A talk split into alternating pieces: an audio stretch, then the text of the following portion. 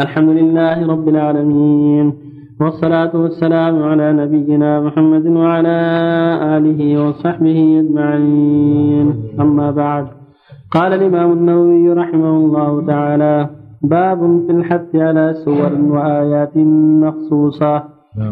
باب باب في الحث على سور وآيات مخصوصة.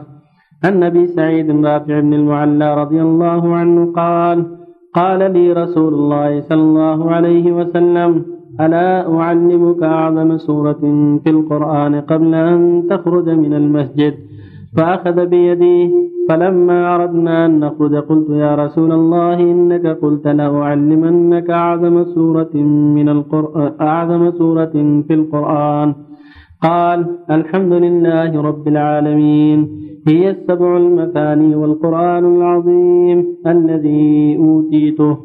رواه البخاري. وعن أبي سعيد الخدري رضي الله عنه أن رسول الله صلى الله عليه وسلم قال في قل هو الله أحد والذي نفسي بيده إنها لتعدل ثلث القرآن. وفي رواية أن رسول الله صلى الله عليه وسلم قال لأصحابه أيعجز أحدكم ان يقرأ بثلث القرآن في ليلة فشق ذلك عليهم وقالوا أينا يطيق ذلك يا رسول الله؟ فقال قل هو الله أحد الله الصمد ثلث القرآن. رواه البخاري. وعنه رضي الله عنه أن رجلا سمع رجلا يقرأ قل هو الله أحد يرددها فلما أصبح جاء إلى رسول الله صلى الله عليه وسلم فذكر ذلك له. وكان وكان الرجل يتقالها. فقال رسول الله صلى الله عليه وسلم والذي نفسي بيده إنها لتعدل ثلث القرآن رواه البخاري. وعن أبي هريرة رضي الله عنه أن رسول الله صلى الله عليه وسلم قال في قل الله أحد إنها تعدل ثلث القرآن. رواه مسلم. وآله وأصحابه ومن اهتدى أما بعد هذه الأحاديث ما يتعلق ببعض السور والآيات التي لها فضل عظيم في كتاب الله عز وجل. القرآن كله كلام الله. وكله عظيم ولكنه يتفاضل. كما أن الرسل كلهم عبيد الله وكلهم رسول الله والله فضل بعضهم على بعض. كما قال عز وجل تلك الرسل فضلنا بعضهم على بعض. هكذا القرآن وهذا كلامه جل وعلا يتفاضل. فأعظم سورة وأفضل سورة سورة الفاتحة. الحمد لله رب العالمين. وأعظم آية آية الكرسي. الله لا إله إلا هو الحي القيوم. وسورة قل والله لها شأن عظيم وهي تعدل ثلث القرآن. هذا يبين للمؤمن عظم هذه السور وهذه الآيات. سورة الفاتحة اشتملت على الثناء على الله وبيان حقه على عباده. ثم بيان الصراط المستقيم الذي شرع الله له طلبه وطلب الهداية إليه وأنه غير طريق المغضوب عليهم وغير طريق الضالين فهي مشتملة على الثناء على الله التمجيد التحميد والإعتراف بأنه مستحق العبادة.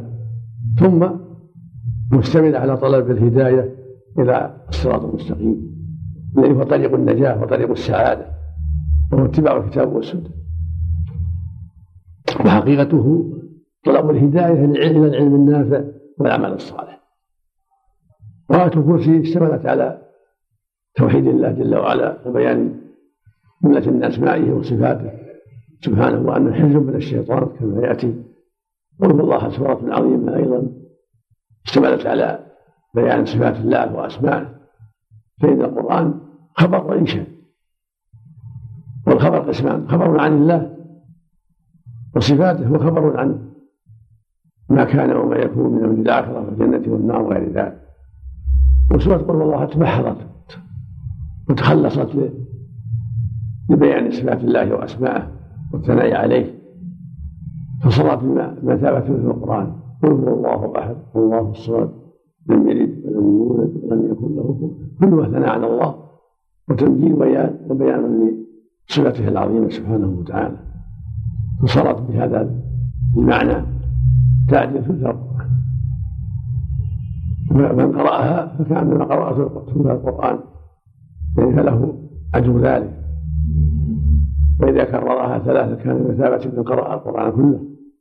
لكن ليس معناه أنها تكفي حيث لا يقرأ بل يقرأ هذا وهذا. يقرأ القرآن ويجتهد في قراءة القرآن ويقرأ هذه هذه الآية الأشياء الفاضلة في بعض الأوقات أيضا. يكون له عناية بالفاتحة وآية الكرسي وقل هو الله أحد. مع العناية الكاملة أيضا بإكمال القرآن وقراءته كله والعناية بالتدبر والتعقل. كما قال سبحانه كتاب أنزلناه إليك مبارك. ليدبروا آياته وليتذكر أولو الألباب. وقال صلى الله عليه وسلم اقرأوا هذا القرآن. فإن يأتي يوم القيامة شفيعا لأصحابه فمن يقرأه يتدبره يتعقله ويعمل ويخص هذه الأشياء المفضلة بنتيجة عناية. وفق الله الجميع.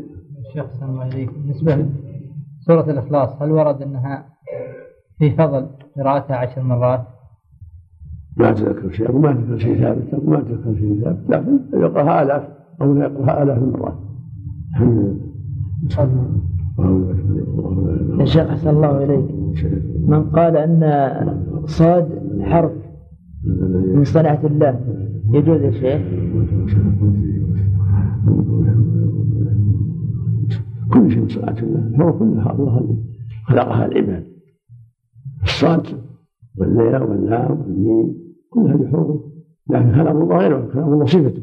أما هذه حروف مخلوق علمها عباده إذا كتبوها هذا من عمل. كتبوا الصاد والضاد والعين من عمل المخلوقين. لكن نفس الكلام كلام الله جل وعلا. المكتوب كلام الله. والمقروء كلام الله. والمسموع كلام الله. واللي في الصدر كلام الله. صاد غيره لكن نفس الحروف ونفس المداد ونفس الورق هذا مما صنعه الله وخلقه سبحانه وتعالى. لكن المقروء نفسه والمكتوب نفسه كلام الله إليك. قراءات السبع الآن الموجودة. فيه هل هي داخل هل هي نفسها داخل اللي كانت آه، لا غير الحروف السبع. غير الحرف السبعة والسبع معناها معاني نزل على معاني. معاني سبع. والمحا ما حروف متقاربة هل يحرق؟ على حروف معناها متقاربة حروف سبعة معناها يعني كلمات. مثل هلموا اقبلوا تعالوا? كلمات متقاربة متقاربة في المعنى. هل يحرق عثمان أحسن الله إليك؟ ما هو؟ هو هي الم... آه، أحرف ولا؟ أحرف المكررة التي جاءت على سبعة أحرف. ما هي القراءات؟ بقي حرف واحد. ومعنى الحرف؟ يعني الكلمة. تعالوا أقبلوا وهلموا ما أشبه. يعني على سبعة أحرف متقاربة المعنى. قد تختلف الألفاظ وتتحد المعاني وهذه القراءات السبع مأثورة عن النبي صلى الله عليه وسلم؟ هذه عن عن القراء. معروفين متأخرين ثابتة عن الرسول؟ عن القراء السبع. أحذية يمد حرف أحذية ينقص حرف يشدد أحذية كلها داخلة في السبع. من من- من القراء. النبي صلى الله عليه وسلم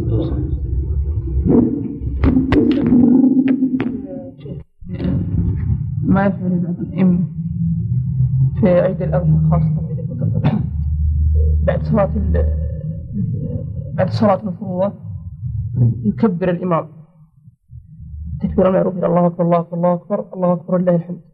عند النهار إيه، عيد النحر وعيد ال- الفطر يكبر الإمام ويردون المؤمنين إذا أنتم يعني يكبر بصوت مرتفع بعد الفرض الفطر يوم العيد.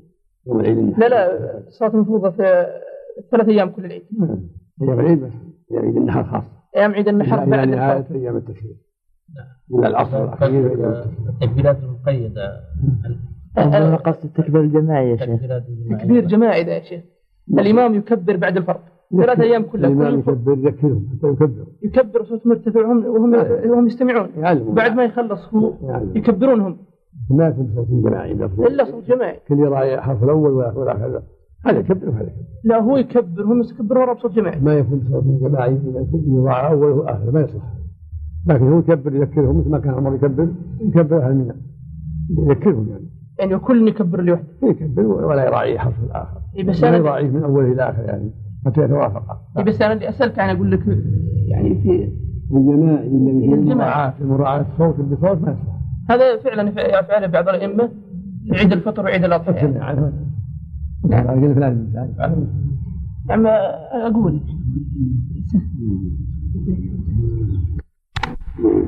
يزيل الاشكال ولا يحسن الكذب عند الحاجة اليه ما يدخل بالكذب يا شيخ إذا كان إذا كان ما ما- ما هو ملزوم نعم. يخشى من الفتنة يولي مثل يقول عبد الله في ذا ويقول عبد الله من هنا ينوي انه في المجلس أو انه في المحل الفلاني بالنيه نعم. وما يأثم يا شيخ؟ عند الحاجة. يفعل هذا حتى يتخلص من فيه. السلام عليكم. السلام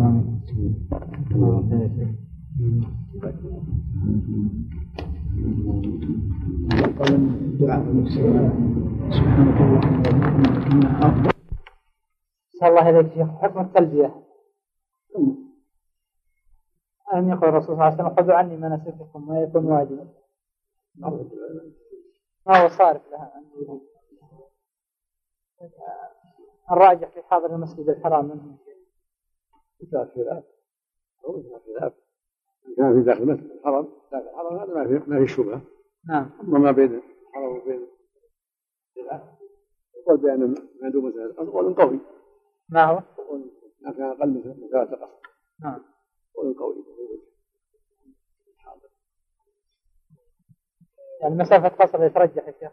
ونحن نظر احتياط حتى يأتي إلا إذا كان في داخل الحرم. ولداخل حدود الحرم. هذا الحرم ما في